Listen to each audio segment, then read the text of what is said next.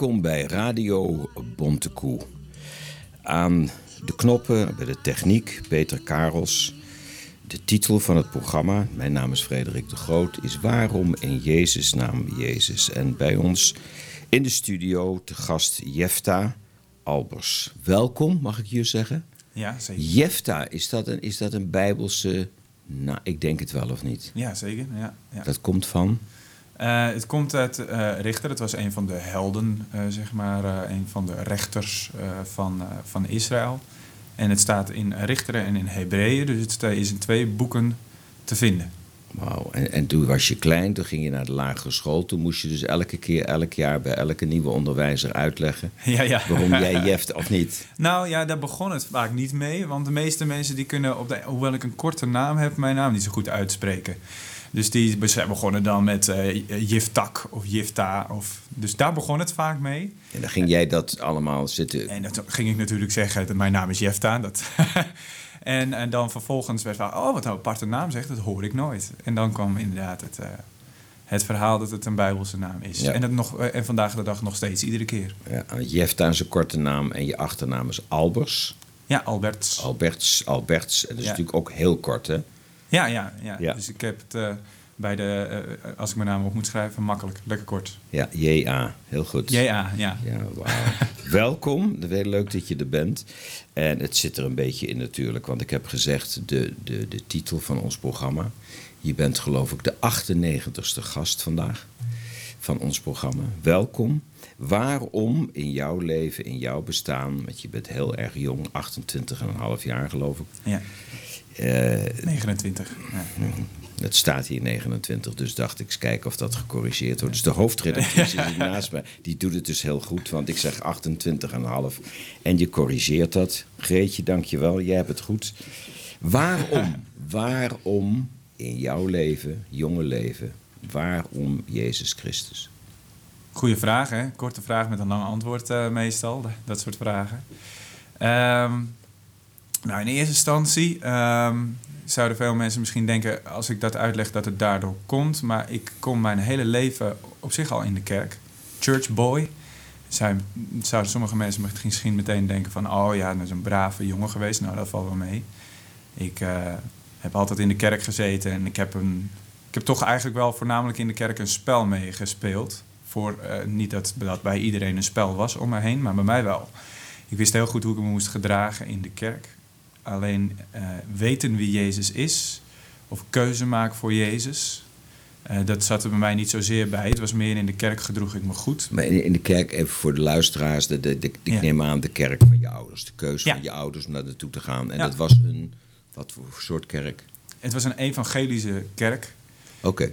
En eh, in die evangelische kerk kwamen inderdaad van jongs af. Ik ben er gewoon met de kinderwagen binnengebracht, zeg maar. En daar heb ik jarenlang ook inderdaad gezeten. Eh, alleen ik heb op een gegeven moment, ja, ik, ik, wist niet, eh, ik wist niet persoonlijk wie is Jezus. Ehm, en in de kerk deed ik me goed voor. En buiten de kerk eh, gedroeg ik me niet zo goed als in de kerk. Nee.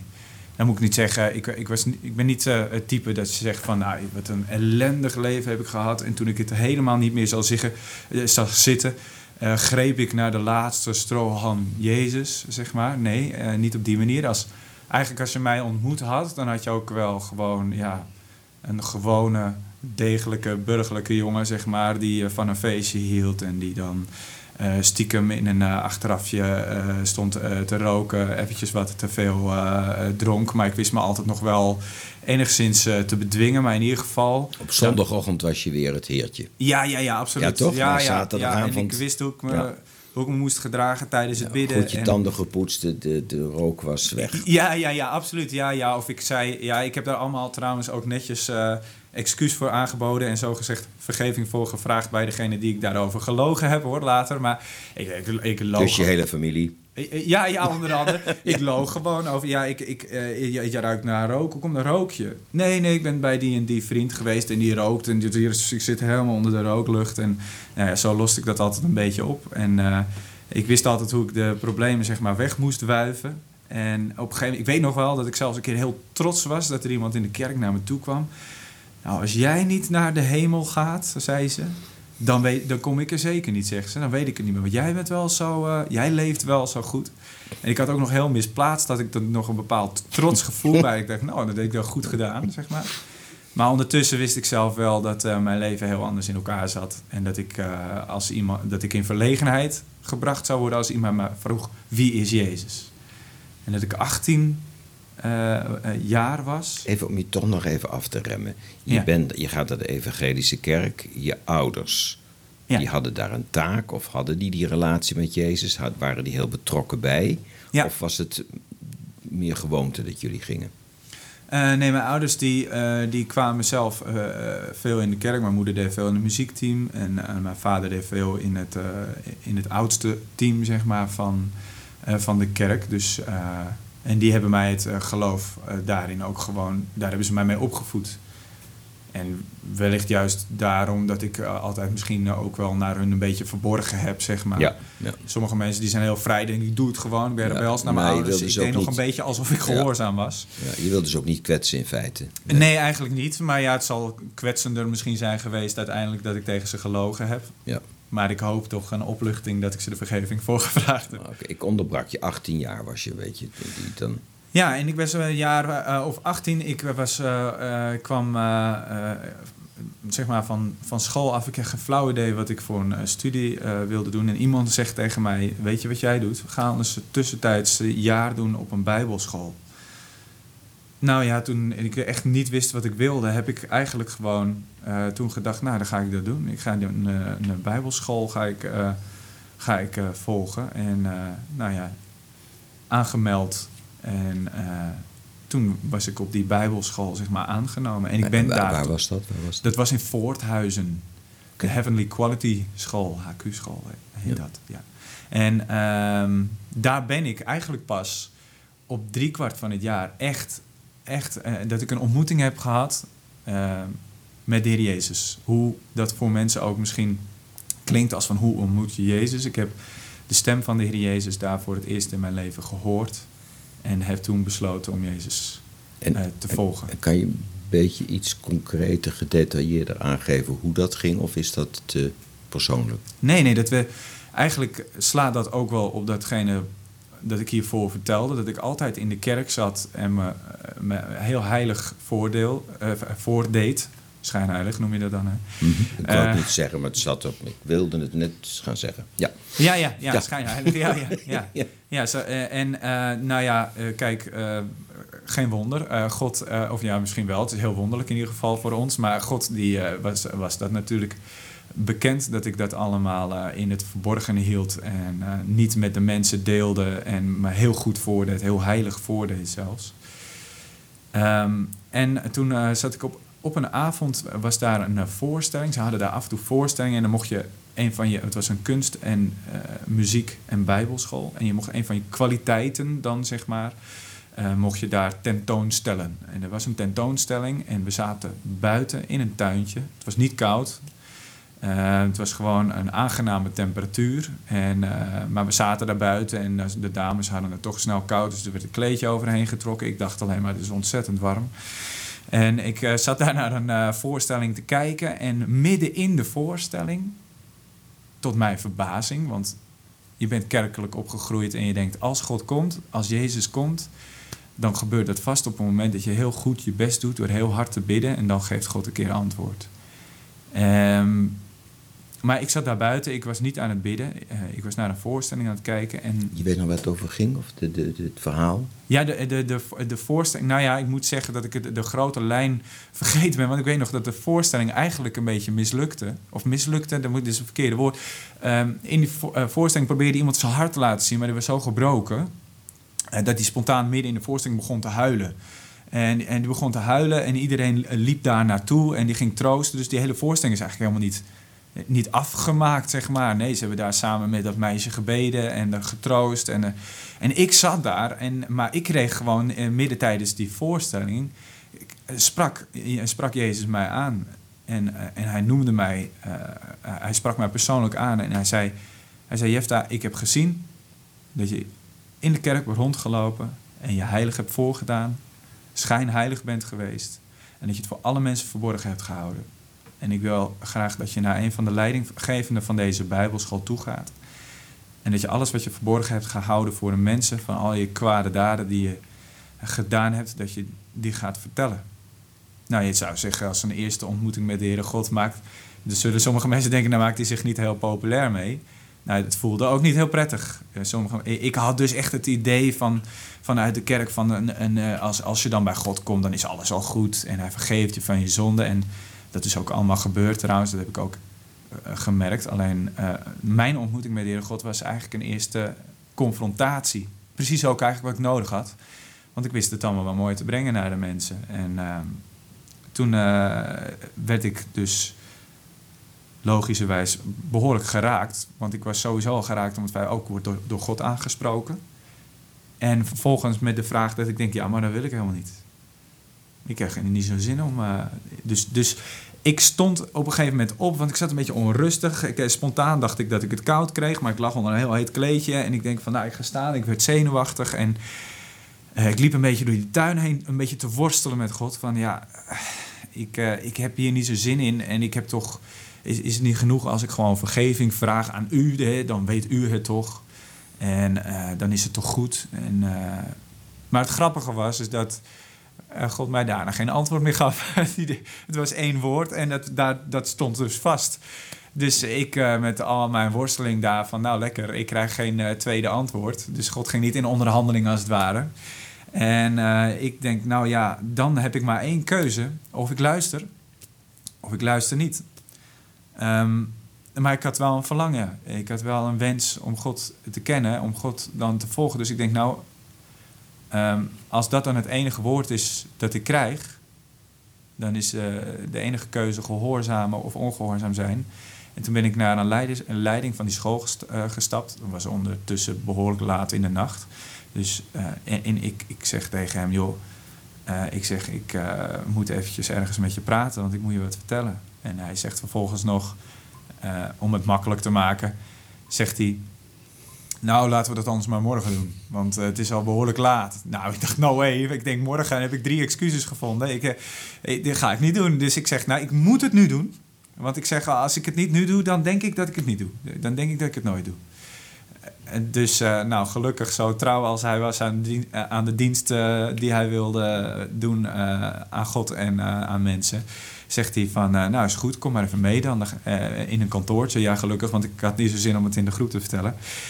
Ik vond één al wel genoeg.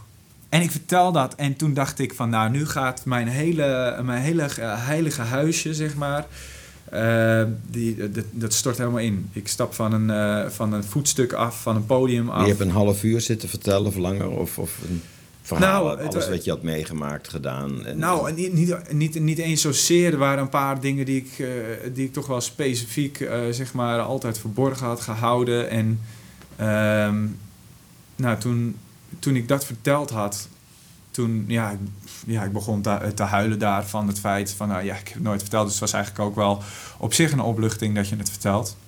Maar wat ik vooral merkte, is dat eh, er heel veel vrede van God in mijn hart kwam. Een, een, een hele grote opluchting. Een hele grote verademing, zeg maar, van... Hey, ik heb dat gezegd, ik dacht ik val van een gigantisch eh, voetstuk eh, af. Maar eigenlijk ongeacht wat die man had gezegd daarna... ik voelde gewoon dat ik zo blij was dat dat eh, van mijn hart af was. Ehm, nou ja, en dan zeg je dan het vervolg. Hè, dan, ik merkte toen vervolgens dat omdat ik geluisterd had naar de stem van de Heere God... dat eh, ja, de Heere God bij mij binnenkwam, om het zo te zeggen. En daar kreeg ik zoveel vrede, zoveel rust van. Ik was eigenlijk best wel altijd eh, opgejaagd om dat heilige huisje overeind te houden. Maar ik, op dat moment had ik echt vrede van de Heere God in mijn hart. En eh, ja, op dat moment denk je dan gewoon van... nou, dat is een op zichzelf staande, losse gebeurtenis. En morgen gaat het leven van alle dagen weer verder. Maar de volgende dag kwam eh, een andere leidinggevende van die Bijbelschool, die eigenlijk mijn coach was, maar die was er op dat moment niet. Op die avond eh, zelf. Ehm, de- en die zegt van, joh, la- laten we samen bidden. En het was mij altijd een beetje onbekend wat het betekende dat God in je hart komt. Dat, dat Jezus in je hart komt. En, en dat zeggen ze dan natuurlijk in de kerk allemaal. Dat had Ja, ik wel geleerd. dat zondag na zondag na Hoorde, zondag ja. hoorde. Ja. Toch? Van baby's, Jezus en hart. Ja, Heilige Ja. Geest. eh, Ja. Dat is de, je ziet God niet, maar hij is geestelijk aanwezig en hij kan in je hart. En dat zijn we nooit. Die komen, En dan zeggen ze, je hart is net een huisje. Nou, dan zie je een huisje voor je en dat God daarin gaat wonen. Maar ja, als je dan chirurgisch een hart openmaakt, vind je niet ineens Jezus daarin of zo. Weet je wel? Dus hoe zit het dan? Het was me niet zo bekend wat dat was. Maar van- toen eh, deze man voor mij begon te bidden, en toen voelde ik dat de, dus dat de aanwezigheid van de Heere God, en wat, wat je dan zegt, de geest van God, dat die in mijn hart kwam. En ik werd totaal vernieuwd op een manier die ik eh, mezelf nooit had kunnen vernieuwen. Had, eh, ik werd totaal veranderd. Ik weet nog eh, dat ik vroeger vanuit het, het hele religieuze systeem op een gegeven moment dacht van... Nou, in, de, in, in de kerk zeggen ze altijd dat het goed is om de Bijbel te lezen. Dacht ik, laat ik nou eens de Bijbel erbij gaan pakken. Pakte de Bijbel uit de kast waar een mooie stoflaag overheen lag. Want ik had wel een Bijbel, maar die las ik nooit. Ik haalde hem eruit. Ik deed de Bijbel open. Ik las een paar namen van mensen en een verhaal waar ik helemaal niks van begreep. En ik dacht, nou, ik snap hier niks van. Ik klapte hem weer dicht en ik zet hem terug en ik las, eh, ik las niet meer. Ik had daar, eh, ondanks dat ik kende de bekende verhalen uit de Bijbel, ik had er zelf helemaal niks mee. Het had geen betekenis eigenlijk voor mij. Maar toen eh, de Heilige Geest, eh, de geest van God dus in mijn hart kwam, hoe dat ik kan begrijpen voor mensen misschien kan klinken van ja, hoe werkt dat dan? Want dat dacht ik zelf ook. Eh, toen dat gebeurde en ik ging de Bijbel lezen, toen ging de Bijbel leven. Ik begon het echt, echt te lezen als een boodschap, als een, als, een, als een brief van God aan mij gericht. En ik voelde me persoonlijk aangesproken, maar ik begon ook te begrijpen wat er stond. En eh, echt alsof het, ja, eh, alsof het ineens, mijn, mijn hele verstand geopend werd gewoon van dit is wat er staat. God mijzelf uitleg begon te geven en daar werd ik echt, daar werd ik eh, gigantisch enthousiast van. En ik was redelijk unstoppable in het Bijbellezen. Oh. ja. En toen ging de cursus ook meteen een stuk beter. Ja, ja, ja, ja. ja dus dat, die, die, die interesse werd veel groter. Grappige was wel dat ik toen echt ineens allemaal vragen begon te stellen aan eh, mensen van hoe werkt dit, hoe werkt dat. Nou, dan kom je er ook wel weer eens achter van oké, eh, je kan echt niet overal eh, altijd de antwoorden bij mensen vinden. Maar eh, ik merkte wel gewoon, ik, ik was er vurig voor. Ik, ik, ik, vroeg God om wijsheid, om uitleg. En ik ging de Bijbel lezen en ik sloeg allerlei nawerken erbij. En er werd mij zoveel van, eh, eh, van ja, duidelijk van wie is Jezus. Oh. Je, je, je muziekvraag, eh, wat in het programma Ja. voorkomt. Your presence is heaven. Waarom heb je dat gekozen? Ik heb dat eh, gekozen omdat ik altijd eh, dat, de, dat ik voor de eerste keer dat eh, lied hoorde, buiten dat ik het muzikaal een mooi lied vond, ehm, vond ik de uitspraak Your presence is heaven heel erg mooi, omdat heel veel mensen proberen zich een voorstelling te maken bij de Bijbel. Of, eh, en en bij de, eh, wat in de Bijbel staat bij de hemel. En gaan ze allemaal dingen bedenken hoe de hemel zou kunnen zijn. En de enige ervaring in mijn leven die ik genoeg vond, Is his presence. is in Zijn. zijn, aanwezigheid. Zijn aanwezigheid, ja. Daar voel ik gewoon, daar voel ik hoe de hemel is. ja. En als ik dat ook voel, dan denk ik, ja, dit is voor mij genoeg om eh, Ja. voor eeuwig te verblijven. Prachtig, mooi.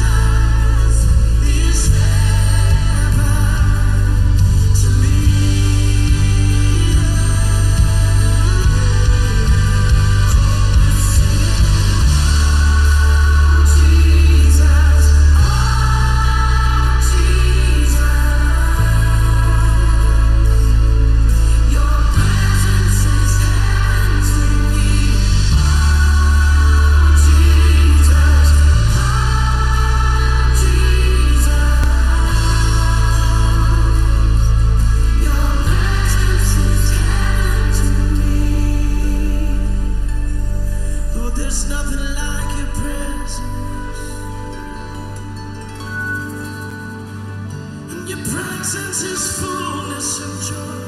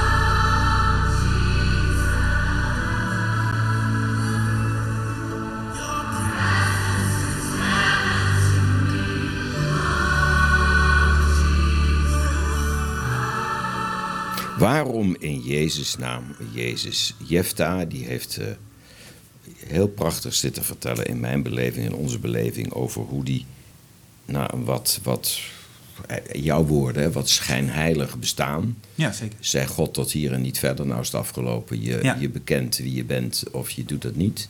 Het is aan jou. Hè. Het is een kruispunt geweest van dus een hele jonge man, 18 jaar. Die dan, je had kunnen weglopen op dat moment. Hè. Je had kunnen zeggen, God bekijk het maar, ik ga lekker iets anders doen. En dan Ja. was je misschien... eh, Ik voelde me ook niet, eh, op dat moment niet eh, gedwongen. Het was geen overheersing. nee, maar het, was wel een kruispunt. Je, je had Absoluut. ook kunnen gaan slapen en zeggen, zoek Ja. het uit allemaal. Ja, En, zeker. En en, vrije keuze, die voelde ik echt gewoon. Ja. Alleen ik dacht wel, drong in mijn binnenste van, dan... prachtig. En, en dan zit je op de bijbelschool en, en toen... Ehm, nou ja, toen, dat was natuurlijk al wel driekwart van het jaar. En, en, en de rest van het jaar, ehm, ik, ik heb die, die, eh, die school gewoon afgemaakt. En dan, dan komt op een gegeven moment gewoon weer... Ben je dan theoloog of gaat dat te ver? Nee, dat gaat te ver. Dat nee, gaat te de ver. Over het algemeen, gewone bijbelscholen zijn meer vormingsjaren. Nou, dat is grappig. Het is dus behoorlijk vormend geweest. Ja. ja. Ehm, maar eh, van, vanaf dat moment eh, ging ik dus merken dat ik... ehm, dat, dat is niet per se trouwens echt in één klap in elke opzicht geweest. Maar eh, langzamerhand begon mijn, mijn emo- emotie en mijn denken en mijn, mijn manier van de wereld inkijken en de Bijbel lezen en het geloof ervaren begon te veranderen. En dat heeft me dat vanaf het eerste moment dat het opluchting bracht en dat het, ehm, dat het rust gaf, maar dat het ook heel confronterend was en. Dat, dat was een moment, maar vervolgens kwam er ook gewoon dat moment. Ik heb gewoon enorm veel vreugde gehad. had ik in eh, alles wat te maken had met het leren kennen van wie is Jezus. En daar kreeg ik gewoon heel veel vreugde in. Dat was op een gegeven moment werd ik een beetje. Nou ja, goed, ik werd een beetje voor gek verklaard op een gegeven moment door mensen dat ik. Ik ben een keertje eh, eh, dat, ik, dat ik aan het bidden was en dat ik aan het Bijbel lezen was. Ik ben uren ben ik toen eens weg geweest, gewoon eh, in, in mijn kamer eh, en, eh, om, om bij de Heer Jezus te zijn. En mensen vonden mij misschien een beetje raar, maar ik had een geweldige, geweldige tijd. En ik kwam na eh, een aantal uur kwam ik uit mijn kamer, eh, echt eh, vrolijk en, en blij. En mensen vroegen me, waar kom jij nou vandaan? Ik dacht dat je weg was. Ja, eh, nou, ik zeg, was in mijn kamer. Wat heb je gedaan daar dan? Oh, ik heb de Bijbel gelezen en ik heb gebeden. En ze keken me aan van, ja, hoe is het mogelijk dat iemand zo lang achter elkaar bidt en Bijbel leest? En dat ging er eigenlijk daarom dat ik denk dat diegene zich misschien verwonderd heeft, omdat diegene misschien ook wel heel erg gewend was vanuit, eh, eh, te denken vanuit een religieus denken, een religieus perspectief. Kader, ja. En het religieuze kader was natuurlijk van, nou ja, vaak zie je dat mensen die heel religieus zijn, maar niet, eh, niet per se een persoonlijke relatie met Jezus hebben, die, dan is het een soort instelling om te bidden, maar dan bidden ze bijvoorbeeld gewoon ja, een minuutje voor het eten, voor het slapen gaan, of als ze de Bijbel lezen, lezen ze een versje eh, eh, voordat ze gaan eten, of nadat ze gaan eten, of voordat ze gaan slapen. En dat heeft dan zo'n structuur en dat heeft enkele minuten, neemt het in beslag. Op zondag zitten we dan in de kerk om naar een preek te luisteren. En, en dat is allemaal dan mooi eh, ingekaderd. En ik denk dat diegene ook gewoon een beetje eh, verbluft, ver- verbaasd was. Gewoon van, wat, wat doe je dan? wat doe je dan als je gewoon uren weg bent? En ik ben ik zelfs dat je de halve dag zeg maar niet thuis bent. Wat doe je daar? Nou, ik heb dus echt gewoon, ondanks dat diegene misschien had gedacht dat ik ondertussen puzzels heb gemaakt, ik heb echt alleen Bijbel gelezen en ik heb gebeden omdat ik, eh, zoals dat liedje net ook al eh, zei, het heerlijk vond om in de nabijheid van Jezus te zijn. En dat, ja. En, en wat is voor, voor de luisteraar, voor ons, voor... Wat, wat is bidden? Wat is dat? Wat is, wat is dat? Het is natuurlijk makkelijk. Bidden Ja. wordt zo makkelijk gezegd. Dat is bidden. Wat is dat? Ja, de makkelijkste, eh, de makkelijkste uitleg die je eraan kunt geven is spreken met God. Niet alleen, en dat vind ik het mooie als je een relatie met Jezus hebt. Niet dat, je, dat ik per se zeg dat dat, eh, dat, dat ook altijd, eh, altijd dat ik eh, woorden terughoor meteen. Maar sp- spreken met de Heer Jezus vind ik ook een stuk mooier dan alleen maar spreken tot of tegen Jezus. Je- Ik, ik geef dan dus ook de ruimte in mijn gebed altijd dat ik niet alleen eenrichtingsverkeer spreken naar God, maar dat Hij de ruimte kan krijgen om ook tot mij te spreken wanneer dat nodig is of wanneer Hij dat wil. Of Is dat een essentieel verschil voor ook mensen misschien die een christelijke achtergrond hebben en misschien, net als jij, al jaren, jaren naar de kerk gaan, maar misschien net het, de, de, de essentie missen? Heeft dat, is er een verschil dan tussen bijvoorbeeld praten of bidden met God, praten en bidden en luisteren en praten en communiceren met Jezus? Is daar, is daar, een, is daar een Ja, wat, mij betreft zit daar zeker een eh, essentieel verschil in, ja. Eh, want als je voortdurend spreekt met de Heere God, eh, of met, eh, laat ik het dan even zo zeggen, spreekt tot God of tegen God, hoe je het wil noemen. ehm, dan laat je alle ruimte om altijd maar jouw harte wensen of jouw moeite bekend te maken of, of te zeggen van wat je, zou, wat je zou willen, wat je verwacht van de Heere God, wat je niet snapt van de Heere God enzovoorts. Maar als je daarmee iets zegt tegen de Heere God of iets vraagt aan de Heere God en je sluit vervolgens je gebed af in Jezus' naam, amen, en je loopt dan weer verder, ja, dan vraag ik me af of je misschien wel weet waar je mee bezig bent, om het zo te zeggen. Want je vraagt iets aan God, maar je luistert niet of hij er wat op te antwoorden heeft. Dat zou ik apart vinden. Ja. Dus eigenlijk gaan we vaak met de Heere God heel anders om. Terwijl de Heere God eigenlijk ook gewoon, om het zo te zeggen, misschien wel anders is dan mensen, maar wel gewoon een persoon is. Dus je vraagt iets, aan, eh, eh, als ik, als ik iets, eh, je, vraagt Ja. iets aan mij. En je zou raar op staan te kijken als ik geen antwoord geef. En zo van, ja, ik, Zeker, vraag toch wat aan je. radioprogramma is dat merkwaardig. Ja, ja, ja, ja. Ja, ja, ja, het zou grappig zijn. Ik, ik praat wel over, maar dan praat ik alleen. Ja, nee, dat is, wel- ja, dat is heel mooi. En, en zo is dat ook met God. Je kan, je kan tien vragen achter, achter elkaar stellen. En het zou wel eens grappig zijn als de Heere God misschien dan zou antwoorden... van welke van de tien wil je eigenlijk antwoord op. Ja, maar zo gaan we wel vaak om met God. Ja. En eh, ik, zou, ik denk dat er mensen inderdaad als ze eh, dat vragen ook aan de Heere God... of hij antwoord wil geven op hun vragen... en dus eh, de tijd nemen om daarnaar te luisteren...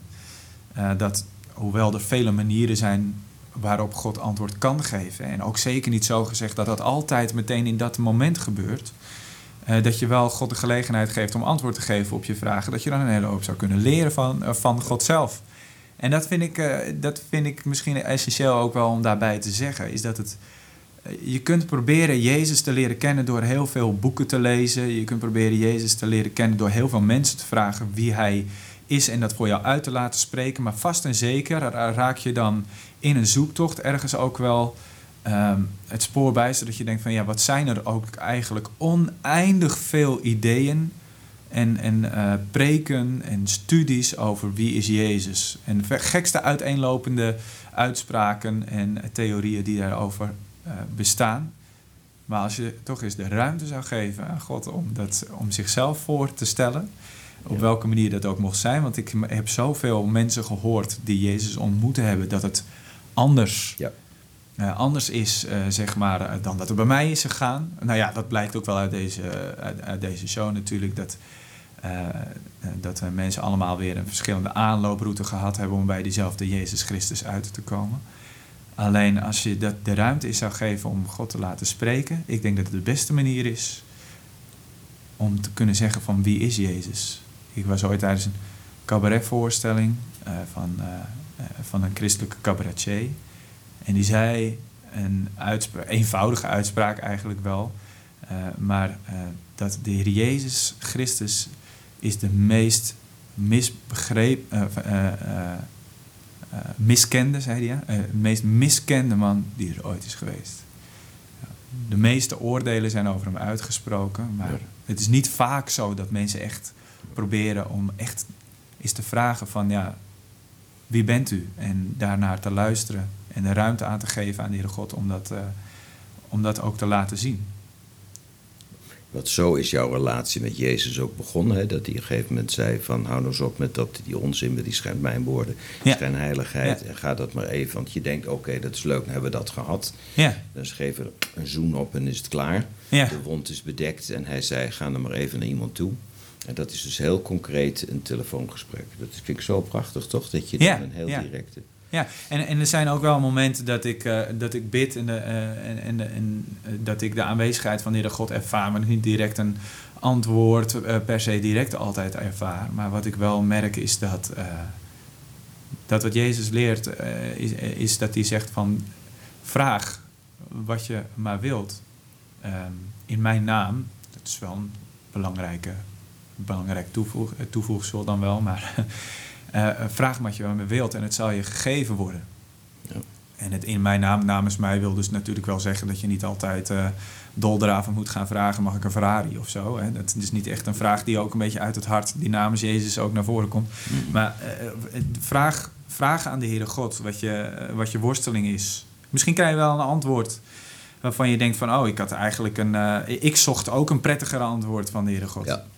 Maar het mooie vind ik is dat de Heere God veel beter wist wat ik nodig had dan dat ik dat zelf wist. Ik denk dat ik dat ook zie bij de mensen in deze tijd. Wij denken allemaal met onze vrijheden te weten allemaal wat we nodig hebben. Maar eh, heel vaak eh, weten wij als mensen helemaal niet zo goed wat nou echt datgene is wat we nodig hebben. Ja. En zijn de vrijheden waar we optimaal gebruik van maken ook heel vaak vrijheden waar we achteraf spijt van hebben. En dan kom ik wel tot de conclusie dat God uiteindelijk beter weet wat ik of wat je nodig hebt dan eh, dat ik dat zelf weet. Nou, je kan zelfs in het hele concrete, in het seculiere, normale leven is het al bijna zo. Dat is een heel raar voorbeeld. Maar ik geef dan mensen wel eens acteerlessen en ik geef dan een raad. Als je dat doet, dan zou het kunnen helpen. Ja, Ja, dat zou ik je aanraden nu om dat te doen. En het gebeurt niet. ja, En dan zijn we drie jaar verder en dan zegt er iemand tegen mij... eh, ja, ik heb er eigenlijk nooit wat van begrepen. ja, ja, ja. Ja, we- ik heb het toen nog gezegd, probeer dat te doen. Hè, niet te denken, maar gewoon, ga je dat doen?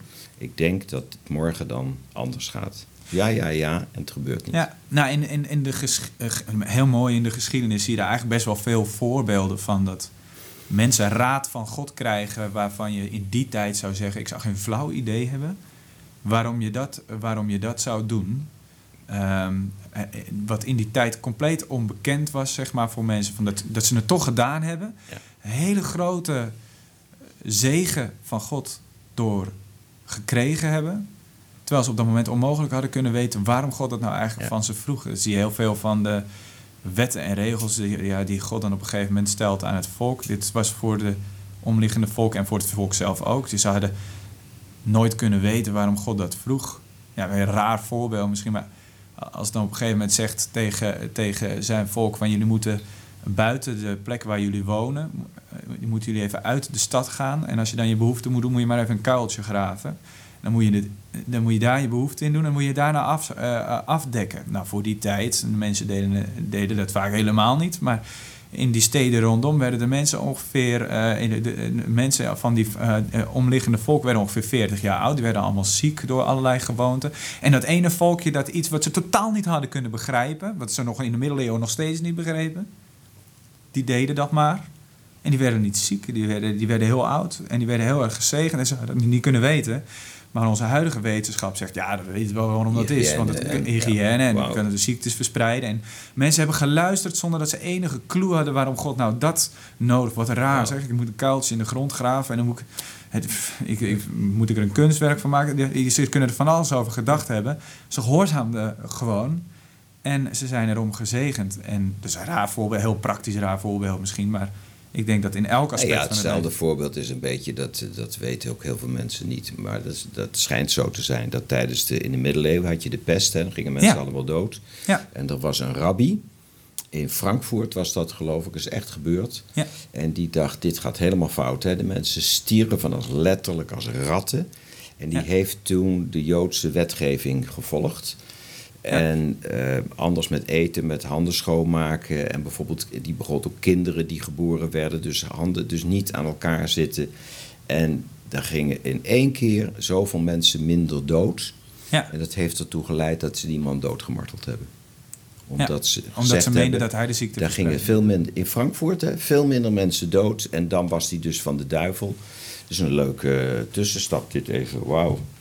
Nee, maar het is wel heel wonderlijk. Het is een heel mooi, eh, mooi, mooi, mooi voorbeeld. Ja, een voorbeeld om te laten zien hoe wij mensen vaak eh, niet altijd begrijpen eh, misschien wat God zegt. en denken het soms heel goed zelf te weten Ja. wat, wat ons, hoe we het meeste uit het leven kunnen halen. Maar ik heb dus dat gemerkt, dat als ik luister naar de woorden van de Heer Jezus, ik geloof dat ik dat ook wel gezegd heb van tevoren, dat als ik luister naar de Heer Jezus en zijn woorden opvolg, ook als ik sommige delen daarvan nog niet begrijp, dat ik daar gewoon echt leven in vind ten volle. Meer dan wat ik eh, zelf soms bedenk. Dat ik denk, nou, die begrijp ik nog niet helemaal. En soms kom ik dan achter nieuwe dingen, dingen dat ik denk van, ah, dat begreep ik nooit, maar nu begrijp ik het wel. En dat je dan ineens ook, dat je kennis ook eh, op de hoogte is van waarom er zoveel zegen in is wat God zegt. Nou, ja, soms heb ik die, die kennis wel, soms heb ik die kennis niet. Maar ik merk wel dat de, de Heere God heel goed weet hoe hij de mensen gemaakt heeft en eh, wat goed voor ze is. Nou, hier toch toevallig zit, hè? Dat is toevallig. Ja, ja, ja. Ja, heb ik een vraag aan jou. Is- er- op dit moment is er misschien een jonge man van jouw leeftijd... ja. die het allemaal leuk vindt om naar je mooie stem te luisteren... maar die echt wanhopig is en misschien eh, verslaafd is, eh, problemen heeft... ja. Eh, wat is nou het geheim of de boodschap of de richting waar en hoe? We hebben het gehad waarom in Jezus' naam Jezus in jouw leven. ja. Maar waar zo'n jongen of een meisje kan natuurlijk ook zijn, of een jonge vrouw, die dat allemaal aanhoort en denkt van waar moet ik nou zijn, een relatie, wat, wat, wat, wat kan die persoon dan op dit moment dat hij naar jouw stem luistert, of als het straks afgelopen is, het programma, wat is dan de, de, de, de kortste, de meest wezenlijke weg naar Jezus toe? om de nood die je hebt eh, toe te vertrouwen aan Jezus en om om hulp te vragen.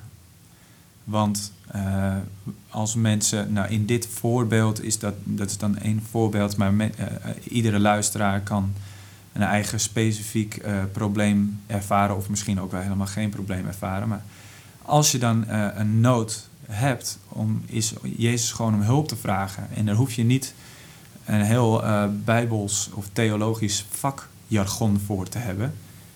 Als je de Bijbel zou lezen, dan zou je zien dat God zelf zegt: laat dat maar zitten, dat hele vakjargon. Dat heb ik helemaal niet nodig. Hij wil je hartewens eigenlijk horen. Jezus, wilt u mij helpen? Wilt u mij vrijmaken? En eh, als je dan gewoon dat bidt en eh, gewoon eenvoudige gebeden, die begrijpt de Heere God heel goed. Gecompliceerde ook wel, maar hij begrijpt soms niet waarom we dat doen. bij, die persoon die nu luistert kan zeggen van... eh Heere God, Heere Jezus, maak mij, help mij. Want maak u Ja. vragen of die bestaat of zo, kan dat ook? Ja, natuurlijk. Eh, eh, ten- Nou ja, natuurlijk is natuurlijk voor jou, hè? Maar, ja, ja. ja, precies. Ja, voor mij Ja. natuurlijk. Ja, Ja. het, eh, ik snap dat dat inderdaad niet al, voor niet iedereen logisch is. Maar je kan gewoon dus inderdaad spreken tot God. En vragen wat je van hem nodig hebt. En dus inderdaad zeggen, Jezus, wilt u mij helpen? En, als, en dan te vragen, en, ehm, en als u er bent, wilt u, wilt u me laten weten wie u bent? Dat u er bent. En ik heb zoveel mensen gezien die als ze dat oprecht vragen... Kijk, je kunt het ook vragen als een soort beproeving aan God. Dus even kijken of hij wel gaat antwoorden. Ja. Uh, God laat niet met zich spotten. God laat niet met zich spelen. Ja. Maar als jij eh, eerlijk een vraag stelt aan de Heere God... van Heer God, wilt u mij bekendmaken wie u bent? Ik wil dat graag weten. Ehm, dan eh, ben ik ervan overtuigd dat je antwoord gaat vragen van de Heere God. En je kunt natuurlijk ook altijd die stap... Dat is de eerste stap die je gewoon in je kamer of in je auto of overal waar je bent. Je, hoeft niet per se eh, op een, een of andere heilige plaats te zijn. Eh, dat kun je overal vragen aan de, aan de Heere God. En ehm, een tweede stap die je ook zou kunnen doen als je God wil kennen, is om te gaan naar een plek, naar een kerk toe waar je weet dat ze, eh, dat ze Jezus kennen. En dan hun is de vraag van wat is de weg? En daar kunnen ze je altijd eh, bij helpen. Maar dat is een tweede stap die Ja. ik... eh, hè? Ja, dat kan je altijd doen. Ja. De Brooklyn, dus degene die luistert, het is zo eenvoudig. Vraag. En Jezus zegt ook, wie oprecht vraagt, Ja. die doe ik open. Hij is Ja. er altijd, maar hij wacht en hij wacht. Zeg ik het goed? Totdat jij daar je hart voor Ja, openstelt. ja, je mag zelfs wel, dus soms niet wat we altijd helemaal verwachten van de Heere God misschien. Maar zelf heeft God gewoon gezegd, ja, daarin heb ik de Bijbel dus wel weer eh, een beetje leren kennen. Is dat God zelf heeft gezegd dat hij er zelfs vurig naar verlangt om met je samen te zijn. Wauw. Wauw, dit toegevoegd. Mooi. De Brooklyn Tabernacle Choir. New Jerusalem, zeg ik dat goed? Ja,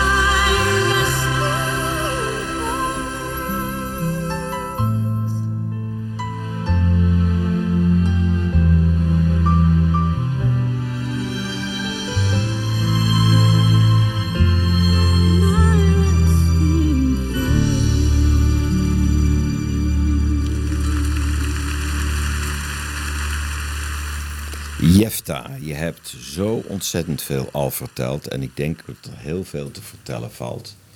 Maar voor de minuten die we nog hebben voor dit programma. ehm, wat, wat is jouw droom in dit leven? In de zin van je, je- wa- wat je voor ogen hebt om Ja, te doen. die droom vindt wel een, eh, een eh, duidelijk begin ook. Dat is wel grappig, want dat is nog ver voordat ik dus eh, mijn ontmoeting met de Heere God eh, gekregen heb. Maar eh, mijn droom is, en dat is uiteindelijk wat daaruit voorkomt, maar dat zal ik eventjes zo vertellen dan. Mijn droom is dat ik heel graag voor mensen wil vertellen, preken, eh, voor wie dat kent. Preken wil, vertellen wil wie Jezus is. En daar, daar enerzijds gewoon eenvoudigweg vertellen en een stukje onderwijs over geven. Ook binnen kerken trouwens, omdat zoals ik zelf in de kerk rondliep zonder Jezus te kennen, ik ook merk dat er nog steeds heel veel mensen heel religieus zijn, maar gewoon in de kerk rondlopen zonder Jezus te kennen. En ik wil gewoon heel graag met mijn hele hart uiting geven aan dit is wie de Heer Jezus is. Kan je, omdat je zo goed, je kan heel goed uitleggen, kan jij ons uitleggen waarom dat zo is? Dat mensen zo in de kerk kunnen lopen. En je, we hebben het even over gehad, hè, een half Ja. uur geleden, het kader. En dat ze een beetje de, het paadje volgen van wat ze elke dag doen. Een beetje bidden, een Ja. beetje dit, een beetje. Ja. Maar dat is wat er gebeurt. Kan jij een uitleg geven waarom dat waarschijnlijk gebeurt? Heb je daar enig, kan je daar iets over zeggen? Nou, heel veel mensen die eh, lopen in kerken ook rond of zijn uit de kerk gegaan. Gewoon omdat ze vanaf eh, geboorte af opgevoed worden door hun ouders. eh, in de kerk meegenomen worden. Dat wordt geleerd dat dat eh, goed is. Dat wordt aanvaard door de kinderen. Ehm, en soms zijn de ervaringen dan anders hè, als ze in de kerk zijn. Maar eh, ze lopen jarenlang rond en met het idee gewoon dat, dat dat is het, zeg maar. En dan wordt ze een, een, een set regels geleerd van als je zo en zo en zo doet, dan is God blij met je. En dit is een heel verschil eh, met eh, natuurlijk als je op een gegeven moment, zoals ik eh, net van mezelf verteld heb, zelf een ontmoeting met Jezus krijgt. En mensen lopen zo jarenlang in de kerk rond eigenlijk zonder het idee dat je überhaupt een ontmoeting kan krijgen met Jezus. Die doen wat ze geleerd hebben van hun ouders.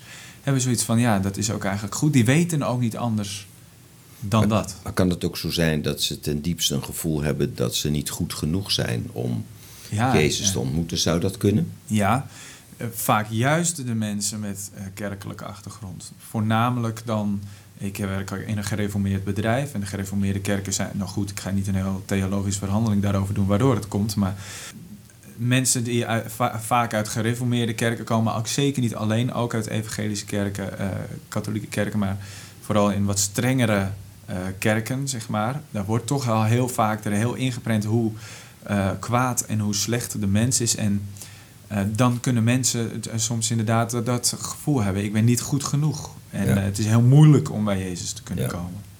Ja. Maar dat is niet waar Jezus zelf leert dat dat heel moeilijk is. Ja, ik heb ook altijd het idee dat, dat als je de Bijbel leest en erover nadenkt, dat Jezus is van zoveel verre dimensies, zo anders dan het thinking out of the box, om het zo maar eens te noemen. Dat is Jezus, denk ik, die is van een totale andere orde. Ja, En dan ga je dat inkaderen, dan wordt het stapje voor stapje in de tijd en je moet dat doen en dat doen. Maar dan sla je ook als het ware de verticale, het, het kruis over van de diepte. Die is natuurlijk onmenselijk, onmenselijk groot. Ja en, toch zo, eh, en toch zo dichtbij. Ja. Eh, en dat is het grappige eigenlijk inderdaad. Dat, het, eh, dat de Heere God zo oneindig veel groter is dan wat een mens ooit zal kunnen beseffen. Ehm, en dat hij toch gewoon heeft gezegd, maar mijn koninkrijk, oh, je kunt het de hemel noemen, mijn koninkrijk is midden onder u. En dat zegt hij dan wel tegen de mensen die, die dan, die dan bidden, die hem aanroepen, die hem volgen. Joh, als je mij volgt, dus mij, ik, dan, ik ben midden onder u. Dus de Heer Jezus is enerzijds te groot om zomaar voor een menselijk verstand gewoon eh, volledig te, eh, in kennis te beseffen wie hij is. Maar toch zo toenaderbaar. Zo dichtbij, zeg maar. en toch kun je hem gewoon bellen. ja, ja, ja, ja. Precies, ja. Bellen, bidden. Hè. eh, In die gelijkenis, ja. Je kunt er gewoon, gewoon met hem spreken. We gaan een heel klein beetje, beetje afsluiten. En je sowieso ontzettend bedanken voor je komst. En dat je nou ja, zo prachtig kan spreken en durft. En, en alles durft te zeggen van ook je eigen kwetsbaarheid toont. En dat de mensen die naar je stem hebben geluisterd zeggen... oké, misschien weet ik het niet meer hoe het moet... en laat ik het eens proberen wat Jeff daar zegt van... Heer, help, help, help, ik, eh, ik weet het niet meer, ik kan het niet, ik moet het... eh, maak u bekend. Nog één keer om je te plagen. Waarom? Waarom niet Boeddha? Waarom niet yoga? Waarom niet hardlopen? Waarom niet maar Jezus? Wat ik heel veel heb gezegd tegen mensen, ook tijdens eh, evangelisatieacties, en dat je met, mensen met Jezus spreekt. Eh, ik ken geen, geen God dan Jezus alleen, die ervoor gekozen heeft om een toenadering te maken naar de mensen en niet te zeggen van dit is wat je moet, dat is wat je moet, ik blijf op afstand. Je ziet mij niet, je kunt mij niet zien, je komt straks misschien in de hemel. Nee, de Heere God heeft zichzelf bekendgemaakt door in de Heer Jezus Christus naar deze wereld toe te komen, naar de mensen toe te komen, zichzelf bekend te willen maken, zijn ware gezicht te willen laten zien en daarbovenop ook nog eens aan het kruis de schuld van de mensen te willen dragen. Ik zie geen andere God die zijn leven opoffert voor de mensen. En daarin blijkt voor mij dat de Heer Jezus Christus de enige God is die zich bekend wil maken.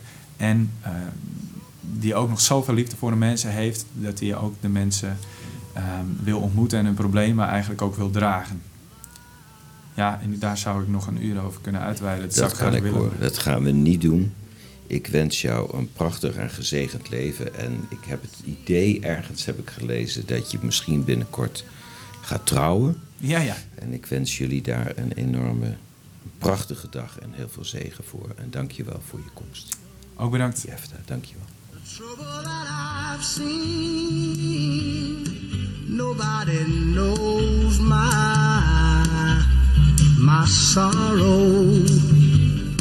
Nobody knows the trouble that I've seen. Glory, yeah.